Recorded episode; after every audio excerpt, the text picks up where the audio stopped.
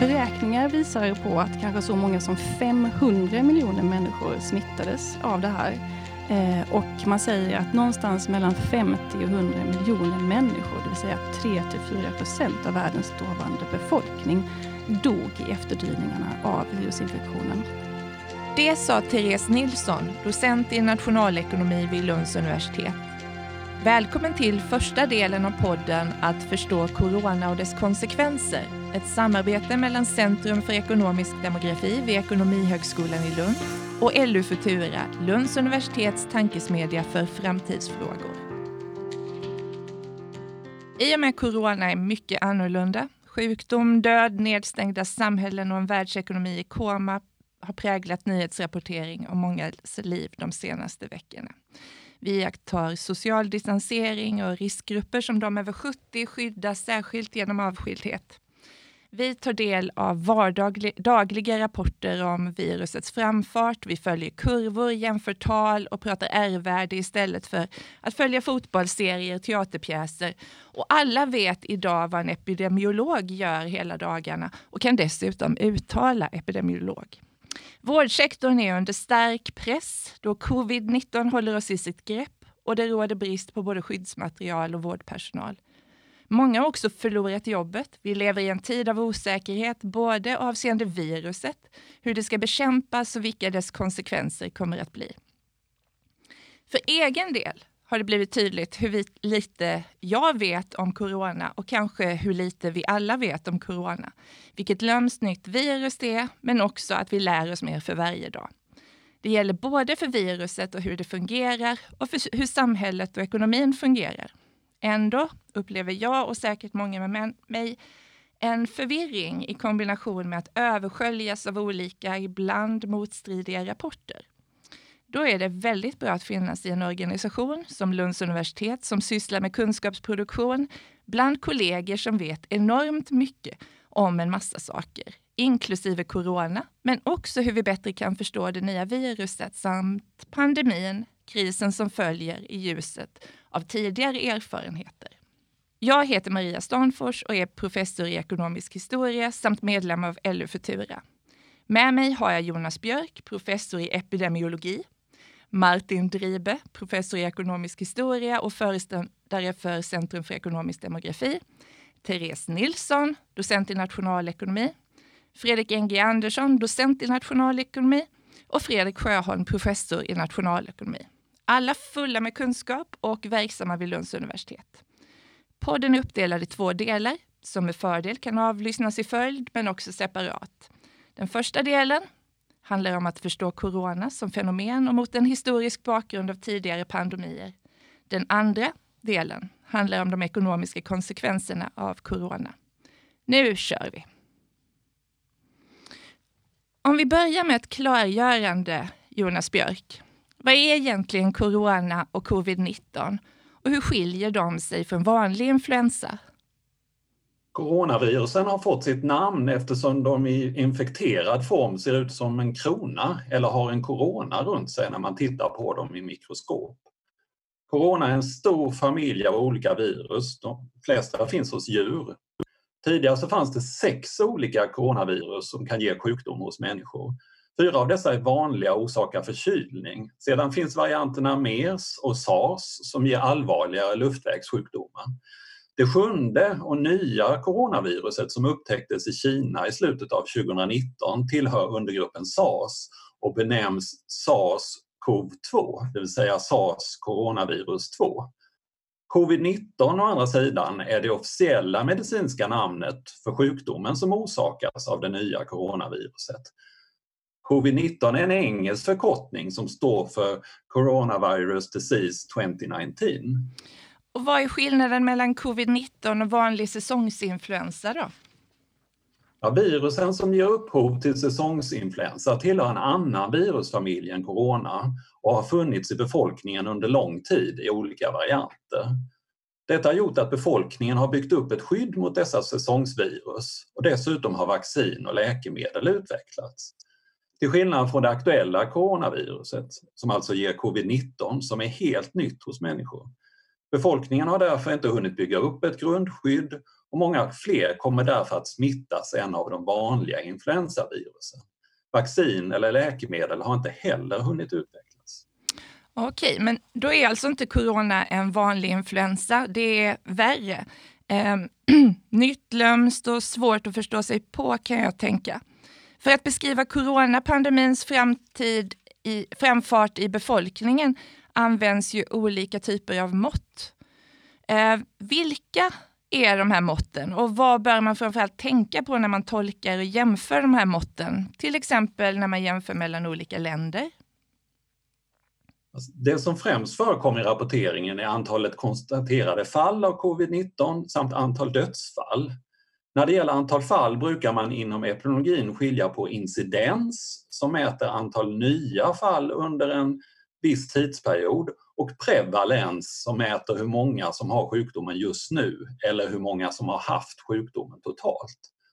Och det är antalet konstaterade fall totalt under epidemin som Folkhälsomyndigheten i Sverige för närvarande rapporterar dagligen. Och det är svårt att jämföra antalet fall som konstaterats i olika länder om man inte känner till deras strategier för att testa och upptäcka sjukdomen i befolkningen. Ju större testkapacitet man har och ju fler som testas av de som söker sjukvård och av befolkningen i övrigt, desto fler fall kommer att hittas. Omvänt, om man inte testar alls så hittar man heller inga fall. Dessutom kan definitionen av positiva fall skilja mellan olika länder.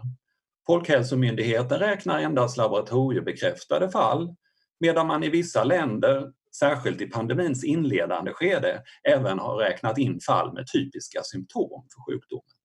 Så antalet konstaterade fall kan vara en osäker och i vissa fall dålig indikator på hur stor smittspridningen är i ett land. Ja, jag förstår.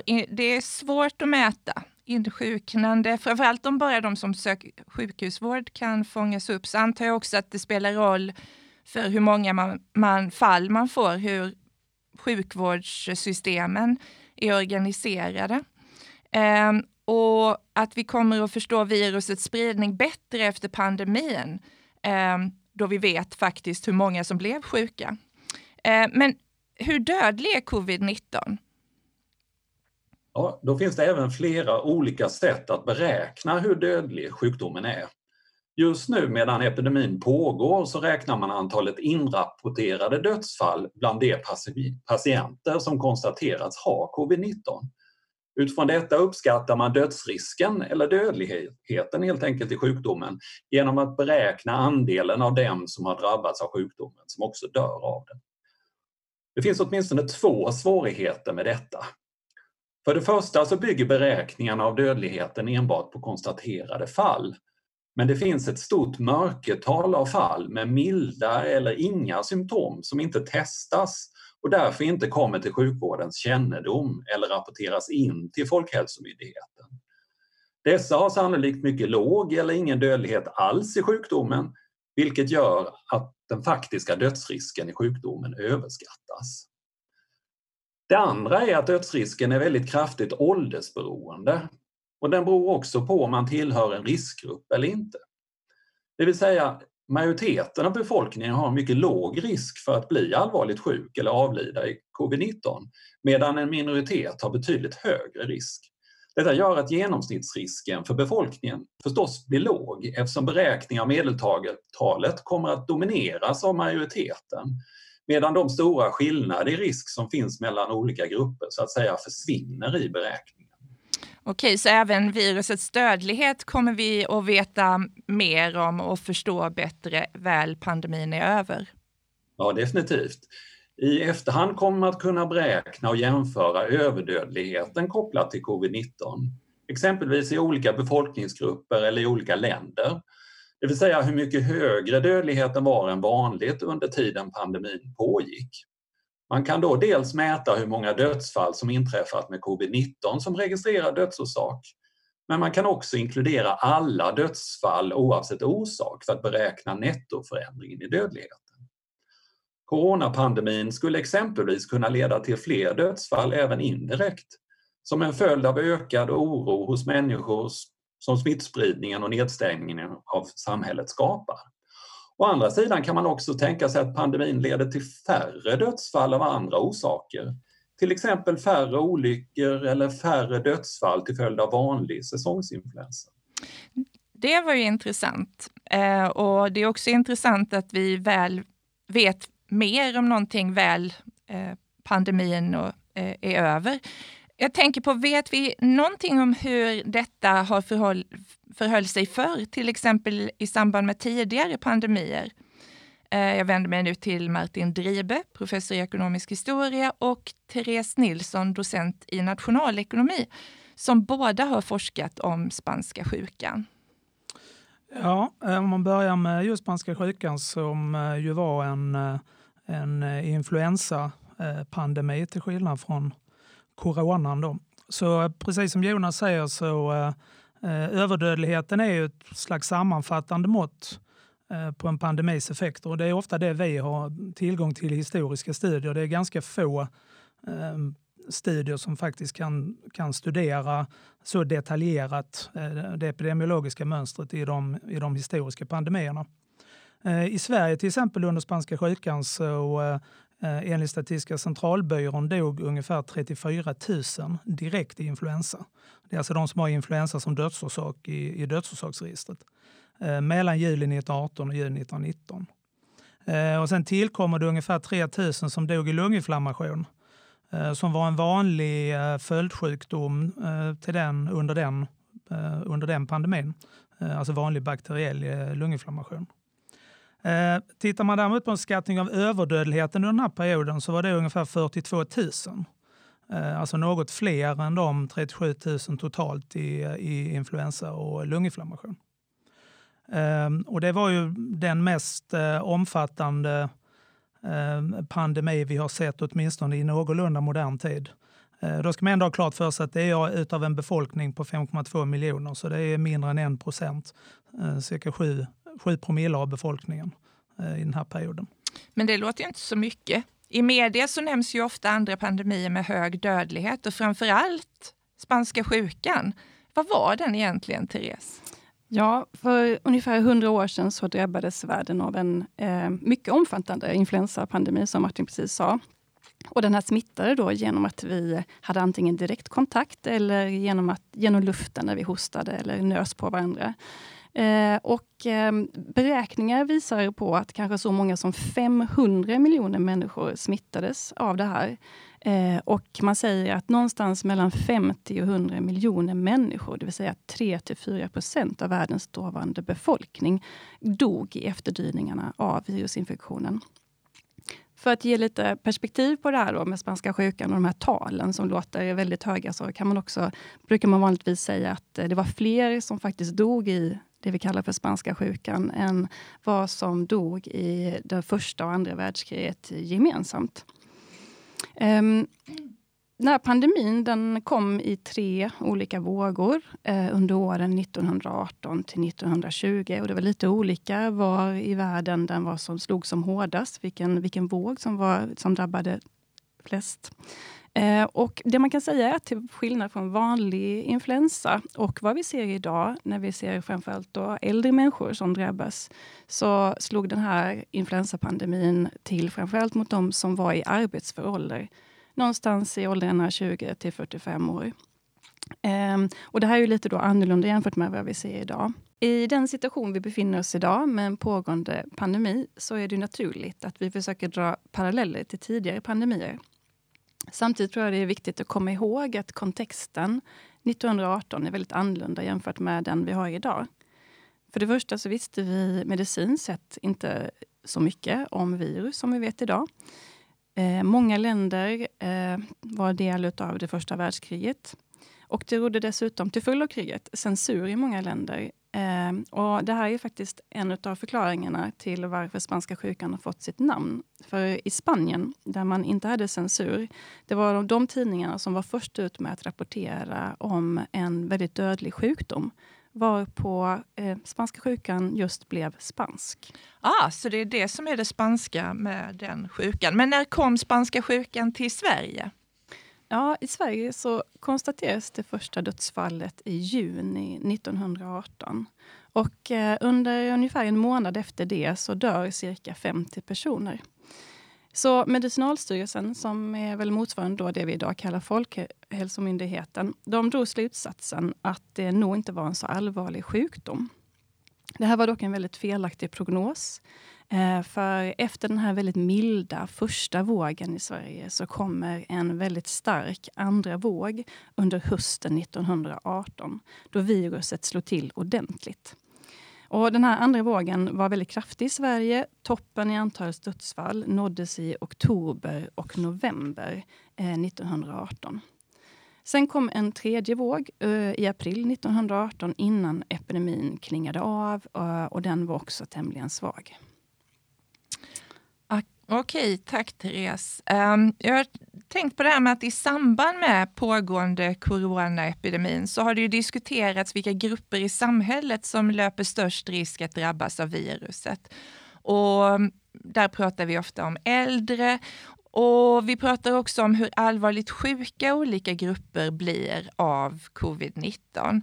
Till exempel så har vi pratat om, hört om eh, de som jobbar inom transport vård och omsorg ehm, som särskilt eh, exponerade och kanske också ehm, mest drabbade. Men det har också diskuterats om andra grupper i samhället är särskilt utsatta, till exempel vissa invandrargrupper som är överrepresenterade bland svårt sjuka och avlidna. Och vad jag har hört så har det också diskuterats om trångboddhet och ekonomisk utsatthet eh, är någonting som kan räknas som riskfaktorer. Vad vet vi egentligen om detta och vad kan vi lära av historien i det här avseendet, Martin? Ja, för närvarande är det ju svårt att dra några säkra slutsatser i den pågående pandemin. Men eh, det finns en del resultat som gäller eh, sociala skillnader i dödlighet under spanska sjukan. Eh, det var en ganska utbredd uppfattning redan i samtiden att influensan slog blint socialt. Eh, att alla drabbades oavsett social position. Eh, och man gjorde också eh, undersökningar ganska omgående av sjukligheten på olika arbetsplatser. Fann då likartade insjuknandetal i olika grupper av anställda inom en fabrik eller ett företag. Alltså att högsta chefen och, och den lägst stående arbetaren hade ganska likartad risk att, att få Eh, spanska sjukan eh, inom ett företag. Eh, men det finns också en hel del andra studier, det är mest sen, senare studier som har funnit skillnader i dödlighet när det gäller olika socioekonomiska faktorer. Ett exempel i en jämförelse av två olika församlingar i Oslo hade de som bodde i mindre lägenheter och högre, högre influensadödlighet, vilket tolkades som en effekt av lägre inkomst. Eh, även församlingens eh, sociala sammansättning eh, spelar roll i det här fallet. Och I en annan studie av skillnader mellan olika delar av Chicago fann man också att andelen läs och skrivkunniga och andelen som ägde sina bostäder som är en, någon form av indikator på ekonomisk status, liksom arbetslösheten i området, hade ett samband med dödligheten i influensa och lunginflammation. Och det har man då tolkat som, eh, som att eh, det fanns betydande socioekonomiska skillnader i, eh, i dödlighet spanska sjukan. Eh, men de här eh, studierna baseras då inte på, på individdata där man faktiskt mäter individers eh, socioekonomiska status utan mer det område där de bor. Och I en studie av Sverige som baserades på hela den svenska befolkningen och använde sig av just individdata Eh, visade sig att det fanns ingen tydlig klassgradient i överdödligheten under influensaperioden. Eh, men det fanns vissa skillnader mellan olika sociala klasser, men det var ingen tydlig gradient från högsta till lägsta. Eh, generellt var de här skillnaderna mindre för kvinnor än för män. Bland männen var det bönderna som hade den lägsta överdödligheten medan de lågkvalificerade arbetarna hade den högsta. Eh, de okvalificerade arbetarna som då är lägre socialt stående än, än de lågkvalificerade eh, hade lägre dödlighet men något högre än de kvalificerade arbetarna. Så det fanns skillnader men det var ingen tydlig social gradient. Hur förklarar man detta då?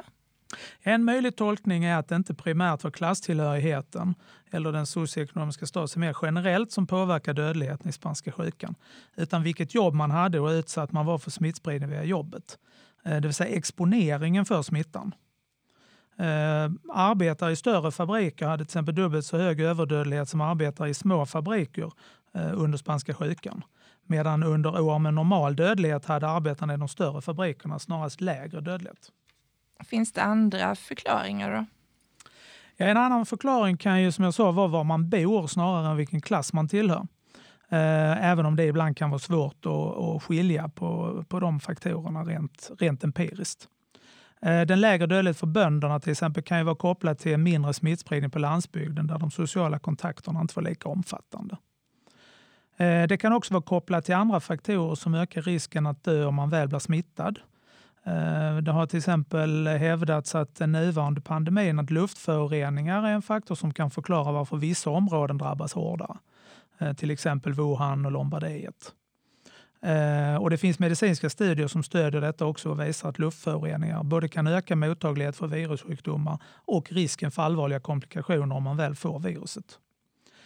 Och en, I en historisk amerikansk studie som kom för ett par år sedan så visade man att städer under spanska sjukan som brände mer kol för uppvärmning primärt hade betydligt högre överdödlighet än andra städer vilket tyder på att dålig luftkvalitet kan ha varit en viktig orsak till den högre dödligheten under pandemin.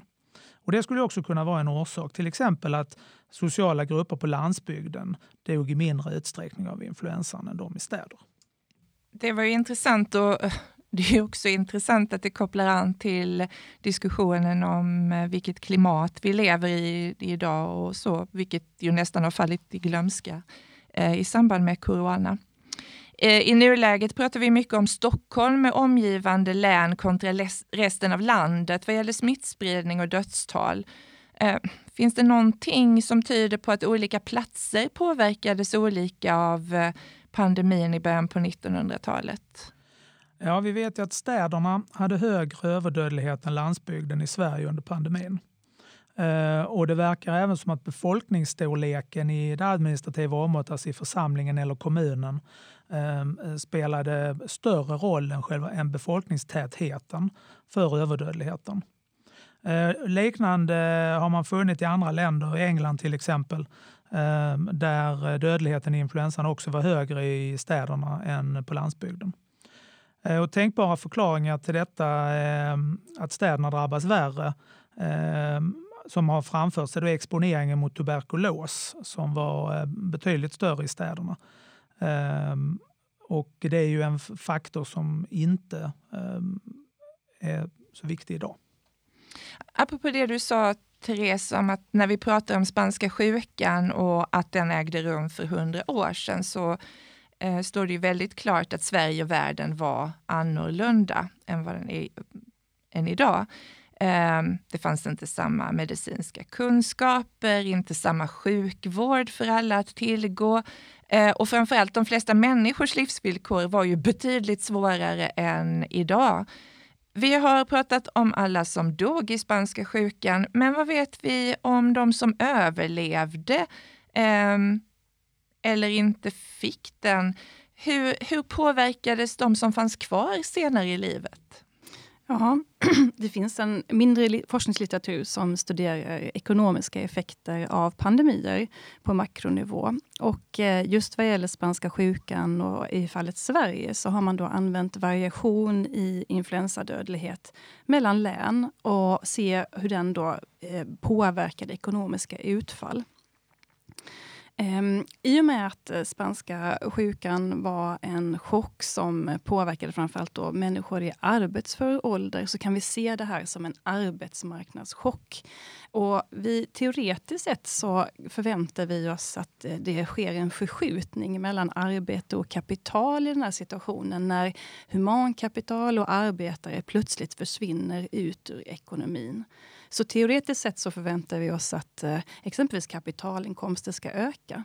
Men det vi ser är att vi har, får bestående negativa effekter på levnadsstandarden efter den här pandemin. Exempelvis så minskar kapitalinkomster och vi ser samtidigt ingen förbättring i arbetsinkomster. Och de län som drabbas hårdast de eh, påverkas mer kraftigt vad gäller andelen fattiga. Um, med samma typ av metod så kan man också studera demografiska utfall såsom fertilitet. Eh, och studier visar här på att man direkt efter spanska sjukan såg en ökning i barnafödandet. Det är många som har spekulerat i om det är någonting vi kommer att se. Ja, media pratar ofta om en babyboom. Och vi hade ju faktiskt en babyboom 1920 också. Och eh, den kan väl sägas då kanske till viss del vara en följd av eh, spanska sjukan eller en kriseffekt. För att Ehm, det här är inte ovanligt. Vi ser detta också eh, efter andra typer av kriser och efter naturkatastrofer. Men det som är intressant då när vi har det här väldigt långsiktiga perspektivet är att vi kan se vad effekterna på fertilitet är över lång tid. Och det intressanta är att nettoeffekten faktiskt är negativ. Så pandemin hade bestående demografiska effekter. Det är också intressant att notera att eh, det här verkar påverka vem som skaffar barn. Den här minskningen vi ser i barnafödandet är mindre i stabila familjer med god socioekonomi. Utöver den här typen av mer makrorelaterade studier så finns det även mer individrelaterade studier som använder individdata på ett annat sätt. Det finns en omfattande litteratur eh, som studerar effekter av hur foster och små barn långsiktigt påverkas av den omgivande miljön. Och I det här forskningsfältet så är det många som har använt just spanska sjukan som ett experiment för att se vad som händer på lång sikt. Och Det man gör här är att man kopplar samman mått på influensa eller dödlighet vid tiden och platsen då en individ befann sig i livmodern och kopplar det till utfall på individnivå senare i livet och jämför med individer som inte påverkades av influensan på samma sätt. Det finns många studier som visar på att eh, det här med att befinna sig under en pandemi i livmodern har negativa hälsoeffekter på lång sikt. Och också vissa ekonomiska effekter såsom på inkomster och pensioner. Men jag skulle också säga att det verkar spela ganska stor roll var i världen vi befinner oss, vilken, vilket land som har mhm. studerats. Mm. Och eh, framförallt då kanske också eh, hur, liksom, hur omfattande de här hälsoeffekterna är, verkar skilja sig mellan olika typer av studier. Det här tror jag förvånar många, för att eh, ofta säger man ju att eh, det som inte dödar, det härdar. Och eh, vi har nog alla hört eh, många säga att det bästa vore att drabbas av corona, fast eh, lindrigt. Och om vi tänker på vad du precis sa, Therese, så verkar detta ju ytterst tveksamt. Men hur tillförlitligt är egentligen statistik för hundra år tillbaka i tiden? Ja, man kan alltid ifrågasätta statistik och som Jonas inledde med att prata om, alltså vad vet vi egentligen idag? Det spelar väldigt stor roll hur man mäter olika saker. Men man kan väl säga att Sverige hade ett väldigt utvecklat system för rapportering av dödsfall redan under 1800-talet. Sen kan man alltid ifrågasätta om dödsorsaker alltid var korrekt specificerade. I, I den här forskningen på spanska sjukan som görs för Sverige som i alla fall inkluderat både dödsfall från influensa och lunginflammation. Eh, och man brukar också då zooma in på den här överdödligheten eller dödligheten i åldersgrupperna 20 till 45 år. Hur många som var sjuka, ja det är ju liksom en ännu större fråga. Men eh, man kan väl säga att i Sverige finns i alla fall stor statistik på månadsbasis. Men precis som idag så finns det ett stort mörkertal i antalet smittade. Ehm, för att återkomma också till vad Jonas inledde här med, så är det intressant att säga, alltså påpeka det att liksom, det är inte helt enkelt att jämföra statistik mellan länder. Av samma anledning som, som Jonas nämnde. Vi har olika former av registrering av dödsfall. Men, Då under spanska sjukan alltså? Precis. Och, men det som kanske ställer till störst problem för att göra jämförelser mellan länder är väl det faktum att eh, första världskriget rasade. Och det är därför väldigt lätt att förväxla dödsfall på grund av spanska sjukan och de som skedde till följd av kriget. Ja, som så ofta, det finns eh, tydliga beröringspunkter med historiska erfarenheter, men det är ju samtidigt väldigt uppenbart att vi är i en ny situation med corona.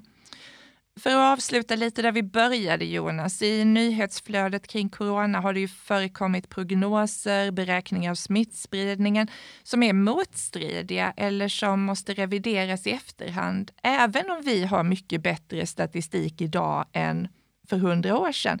Vad beror egentligen detta på? Ja, först och främst så finns det en stor osäkerhet i alla beräkningar eftersom det är så mycket vi inte vet. Hur smittsam sjukdomen är i befolkningen, det som brukar benämnas sjukdomens reproduktionstal eller helt enkelt R-värdet. Hur smittsamheten varierar i olika grupper eller påverkas av olika åtgärder som nedstängning och social distansering, men också av yttre faktorer som väderförhållanden. Vi vet inte heller hur stora mörkertalen är, det vill säga hur stor del av alla fall som inte kommer till sjukvårdens kännedom. Och vi vet inte heller så mycket om immuniteten, om de som haft covid-19 blir immuna och hur länge sådan immunitet i så fall varar. Allt detta skapar förstås en stor osäkerhet och beroende på vilka antaganden man gör om dessa ting så kan man komma fram till väldigt olika resultat och slutsatser i modelleringen. Sedan ska det tilläggas att många beräkningar som tagits fram de har tagits fram under stor tidspress och därför inte hunnit faktagranskas eller rimlighetskontrolleras på vanligt vis. Och då blir förstås risken för fel större. Ja, så det är inte så säkert som det ibland eh, verkar. Det känns ju ofta så när man tar till ett mått att man verkligen vet någonting. Men du, du nämnde också mörkertalen, alltså fallen som vi inte känner till, inte ens inom sjukvården. Vad, vad vet eh, man om mörkertalen? Ja, i månadsskiftet mars-april så testade Folkhälsomyndigheten drygt 700 slumpmässigt valda personer i Stockholms län. Och man fann då att 2,5 procent just där och då var infekterade, det vill säga positiva för det aktuella coronaviruset. Och utifrån detta så beräknar man att endast en av 75 smittade personer kommer till sjukvårdens kännedom medan resterande 74 och 75 inte rapporteras in. Mörkertalet är således mycket stort men det ska dock understrykas att detta är en enda studie genomförd vid ett enda tillfälle och osäkerheten är därför avsevärd kanske också kan säga att detta spelas in den 11 maj och det är mycket möjligt att den som lyssnar eh, kommer att ha tagit del av ytterligare sådana här eh, eh testprogramsresultat. Eh, men, men vad har egentligen mörkertalen för betydelse i sammanhanget eh, vi pratar om? Ja, så länge vi inte har tillförlitliga antikroppstest att tillgå i stor skala så har mörkertalen stor betydelse i uppskattning av hur stor del av befolkningen som har haft sjukdomen. I en känslighetsanalys som Folkhälsomyndigheten genomförde i beräkningar av peakdagen för sjukdomsförekomsten i Stockholms län så varierade andelen som skulle ha haft covid-19 efter toppen grovt sett mellan 6 och 26 procent i olika scenarion. Och hur många som blivit immuna när det värsta utbrottet klingat av spelar förstås stor roll för hur omfattande ett nytt utbrott kan bli om sjukdomen skulle återkomma i en andra våg. En andra våg, precis. Det är alltså eh, tänkbart även vad gäller corona, precis som i fallet med spanska sjukan. Just det, det stämmer. Jag tänkte på nyttan av testandet, eh, som du säger, för att bedöma hur stort mörkertalet är. Eh, det verkar vara något som forskare från olika discipliner inte är helt överens om. Hur, hur kommer det sig? Först ska man vara medveten om att det finns två olika slags test. Dels test av pågående infektion som man gör exempelvis genom topsning i näsan eller halsen för att mäta virusförekomst. Och dels antikroppstest där man mäter antikroppar i blodet för att se om man har haft sjukdomen. Så här långt så har diskussionen främst handlat om test av pågående infektion eftersom det inte funnits något antikroppstest klart för att användas i stor skala. Och jag tror att oen, oenigheten mellan olika forskare när det gäller nyttan av testandet till viss del kan förklaras av skillnader i perspektiv. Nationalekonomer, demografer och i viss utsträckning även epidemiologer antar ofta ett befolkningsperspektiv, det vill säga man vill mäta tillståndet i befolkningen och förutsäga det vidare förloppet och bedöma konsekvenser på befolkningsnivå av olika åtgärder. Med detta synsätt så har ett upprepat systematiskt testande som ger rätt resultat i genomsnitt stort värde, även om testerna på individnivå kan vara behäftade med fel. Renodlade medicinska forskare å andra sidan antar vanligen ett individ eller patientperspektiv och invänder därför att testet bara speglar individens infektionsstatus vid testtillfället. Det vill säga att den som är negativ idag mycket väl kan bli positiv och därmed smittsam imorgon. Man påpekar också att testsvaret dröjer, att felaktiga testresultat kan ställa till skada, inte minst genom falskt negativa testresultat och dessutom belasta sjukvården ytterligare i ett redan ansträngt läge. Tack Jonas, tack Therese, tack Martin. Eh, ni har verkligen hjälpt till att förklara corona och hur vi kan förstå viruset och dess framfart över Sverige och världen bättre. Inte minst i ljuset av det förgångna och historia, historiska erfarenheter. Eh, jag känner mig väl upplyst och eh, förhoppningsvis har ni som lyssnat haft en intressant halvtimme och är sugna på att höra del två då vi kommer att räta ut frågetecken vad gäller de ekonomiska konsekvenserna av corona och covid-19. Jag vill tacka medverkande Jonas Björk, professor i epidemiologi, Martin Dribe, professor i ekonomisk historia och Therese Nilsson, docent i nationalekonomi. Jag vill också tacka Ulrika Oredsson och LU-konferens som såg till att det här kunde hända och vi kunde gå från idé till praktik.